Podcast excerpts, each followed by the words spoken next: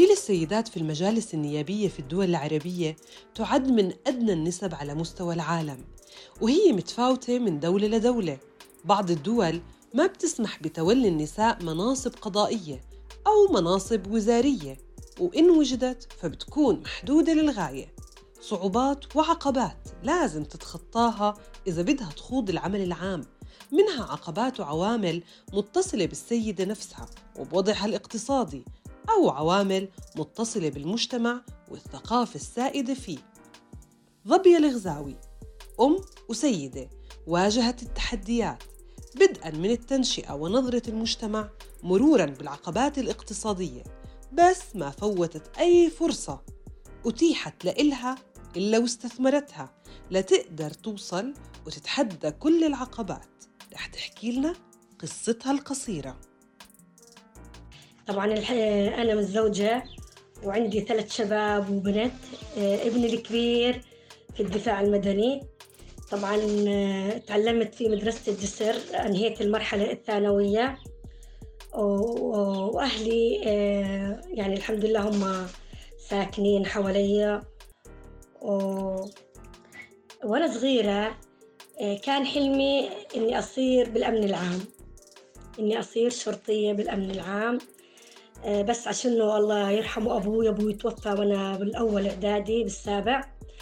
فكان كونه إحنا بقرى ومناطق اطراف وطن كان يعني نظرة المجتمع للشرطية آه، مش محببة كثير. فعائلتي وإخواني الذكور كان في تسلط منعوني إني آه، ألتحق بالقوات المسلحة بالأمن العام.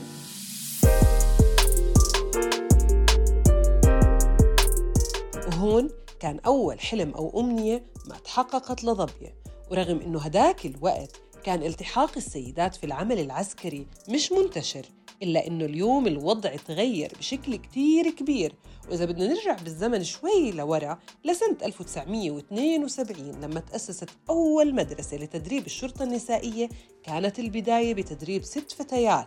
كانوا هن نواة للشرطة النسائية ومن وقتها وجود النساء بهذا القطاع بازدياد من ناحية العدد المناصب والمهام الموكلة إليهم. لتمكنت الشرطة النسائية من أنها تشارك في قوات حفظ السلام مثلاً. ظبية وإن كان حلمها الأول ما تحقق لكنها ظلت مصرة إنها تقاتل بكل الفرص اللي حواليها لتعمل الفرق. طلقت آه، صرت آه، طوعت في مجتمعي وأنا عمري 19 سنة صرت مدربة تجميل حصلت على شهادة تجميل وصرت مدربة في المدارس ومع وزارة التنمية الاجتماعية في عقود. وفي صار عندي عملي الخاص إني أشتغل من خلاله اللي هو آه، عملية اللي هو مهنة التجميل.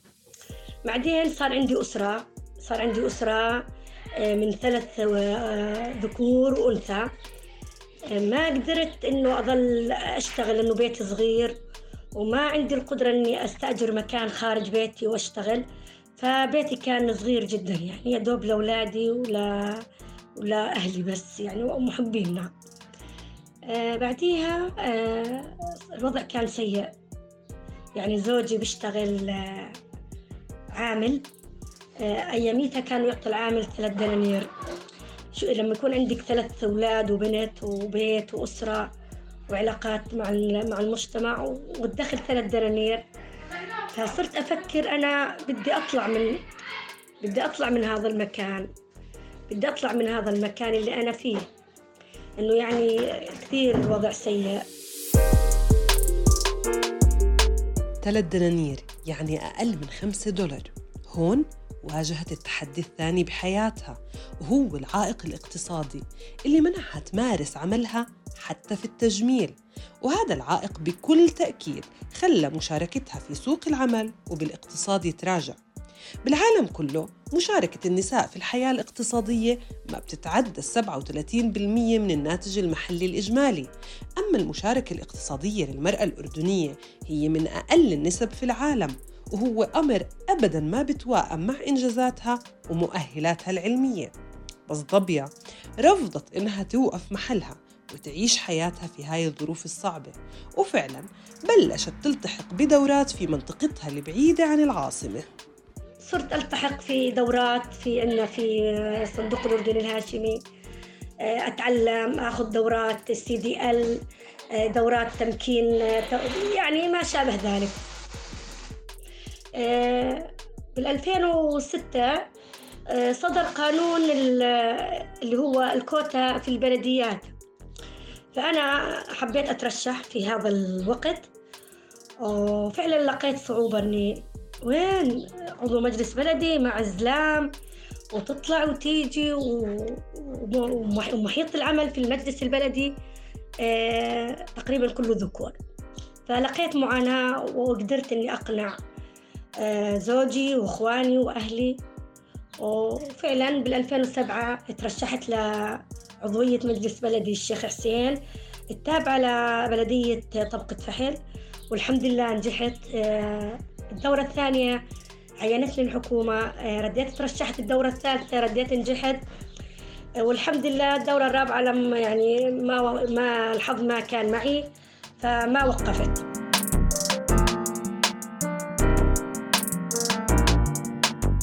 إنه تكوني عضو مجلس بلدي بالانتخاب مش إشي سهل خاصة إنه العملية الانتخابية تبنى على أساس المنافسة بكافة أشكالها.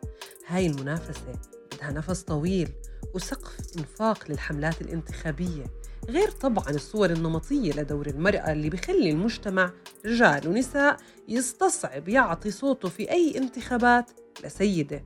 فقديش التحديات رح تكون أصعب لما نحكي عن سيدة رشحت نفسها في بيئة بعيدة عن المدينة وهذا فعلا اللي قدرت تحققه ضبيا خلال هاي الفترة قررت أني أنا يعني بالإضافة أنه أنا بشتغل في مكان تمكين سياسي أو في مكان صنع قرار إلا يكون بدي أخدم الناس. طبعا أنا بدي أخدم هذول الناس اللي أنا آه، كنت أعاني اللي هم معاناتهم زي معاناتي. يعني السيدة زوجها فقير ما معها تأمين صحي ما معها ضمان اجتماعي ما عندها مهنة ما عندها مصدر. فمن أسست جمعية هاي الجمعية كان هدفي اللي أنا كنت أعاني منه واللي أنا كان ينقصني وحابة أحققه إني أقدمه من خلال هاي الجمعية لمجتمعي للسيدات في في هاي في هذه المناطق المناطق الفقيرة المناطق البعيدة عن العاصمة وفعلا أسست الجمعية وصرت من خلال الجمعية أقدم مساعدات أقدم مشاريع آه، صرت أعمل دورات للستات. من بعد نزولي أنا للترشح نزل وراي حوالي 30 امرأة.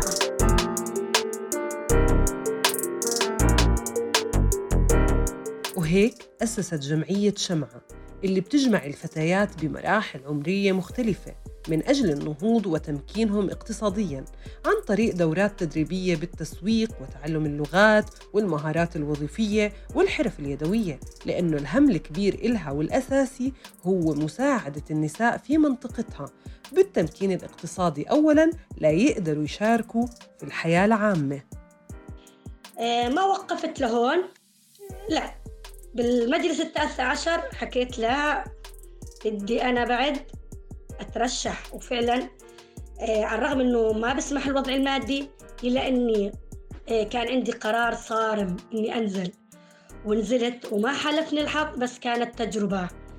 تجربة لسيدة من أطراف الوطن سيدة من عائلة آه عددها يعني قليل جدا إنها تترشح. وتوقف عجريها قدام الحيتان هذول اللي نزلوا آه اللي كل واحد رأس ماله آه كم مليون. تيجي بنت من طبقتي أنا من وضعي المادي آه إني أترشح. أنا هاي كانت بالنسبة لي أكبر مغامرة وأكبر تحدي.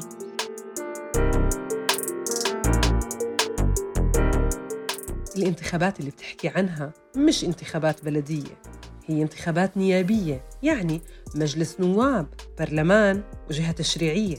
بعام 1974 السيدات بالأردن أخذوا الحق بالمشاركة بالانتخابات ترشحاً وتصويتاً. والقانون بيضمن تمثيل النساء عن طريق الكوتا. للأسف لسه وصول السيدات للبرلمان بدون كوتا ضعيف جدا. عشان هيك تعتبر محاولات النساء بالترشح حتى لو ما حالفهم الحظ جزء من النجاح في مسيرة تمكين النساء سياسياً خاصة بدورها بكسر الصور النمطية. بعدين انطلقت وحكيت لا نفسي لها علي حق أولادي لهم علي حق مجتمعي اللي أنا انخرطت فيه من 25 سنة آه، له علي حق. آه، قدمت لجائزة آه، اللي هي سرنجل للإبداع الاجتماعي وفعلا أنا من ضمن الخمسة اللي فازوا على مستوى المملكة. في هاي الجائزة أنا عندي رسالة لكل أم لكل سيدة إنه ما لازم كل أمرأة تعمل اللي عليها. إذا عندك رغبة إذا عندك تحدي لازم تم لازم تتحدي الصعاب. لا لا أخفيكي لا أخفيكم الحكي للجميع. صعوبات صعوبات لدرجة إنهم دخلوا لأولادي إنه كيف أمك تنهارها تشتغل تنهارها طالعة للساعة واحدة ويتوزع مساعدات مع مع الداخلية مع المتصرفية. آه يعني فترة كورونا للأمانة الناس تخبت. أنا ما تخبيت لا أنا ولا المتطوعين معي كمامتي وكنا متحصنين برحمة الله سبحانه وتعالى ومستخدمين قواعد السلام العامة. ما وقفنا ولا لحظة ظلينا يد على يد مع يد. مع عطوفة المصرف ووزارة التنمية والبلديات وإحنا الجمعية الوحيدة في منطقتنا اللي كانت متولية زمام الأمور في توزيع المساعدات. كنا للساعة واحدة ليلا وإحنا ندق الأبواب ونساعد الأسر اللي بحاجة فهذا أنا بالنسبة لي أكبر يعني إشي بفتخر فيه إني أنا امرأة عندي أسرتي عندي عيلتي ومن ومش مقصر لا ببيتي ولا بشغلي ولا تطوعي لبلدي ولوطني